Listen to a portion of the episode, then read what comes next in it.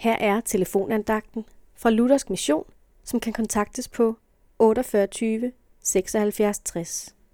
Andagsholderne i dag er Helle og Paul Hø. For mange mennesker i Danmark i dag bliver livets primære mål stort set at skrabe til sig af materialistiske goder. En lang sej kamp for at kunne klare terminerne. Spekulationer om, hvordan skattefar får mindst muligt, og jeg selv mest muligt, så jeg kan forsøge at forskønne min tilværelse og mine børns tilværelse. De skal ikke mangle noget, de skal hjælpes godt på vej. Bibelen siger i Matteus evangeliet kapitel 6, vers 19-21. Saml jer ikke skatte på jorden, hvor møl og rust fortærer, og hvor tyve bryder ind og stjæler.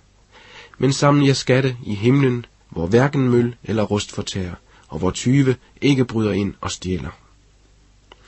Jesus taler om, at det altid vil være sådan, at mennesker har en skat. En skat, der betyder mere end noget andet.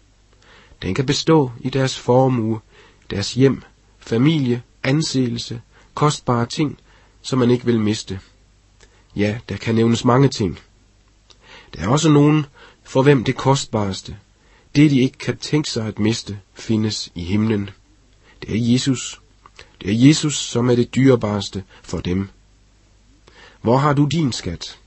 Her på jorden, hvor møl og rust fortærer? Eller har du din skat i himlen? Jesus er den eneste skat, som aldrig vil gå til grunde. Alt andet forgår. En dag skal vi forlade det alt sammen. Lykkelig er den, der har Jesus Kristus som sin skat i himlen. Amen.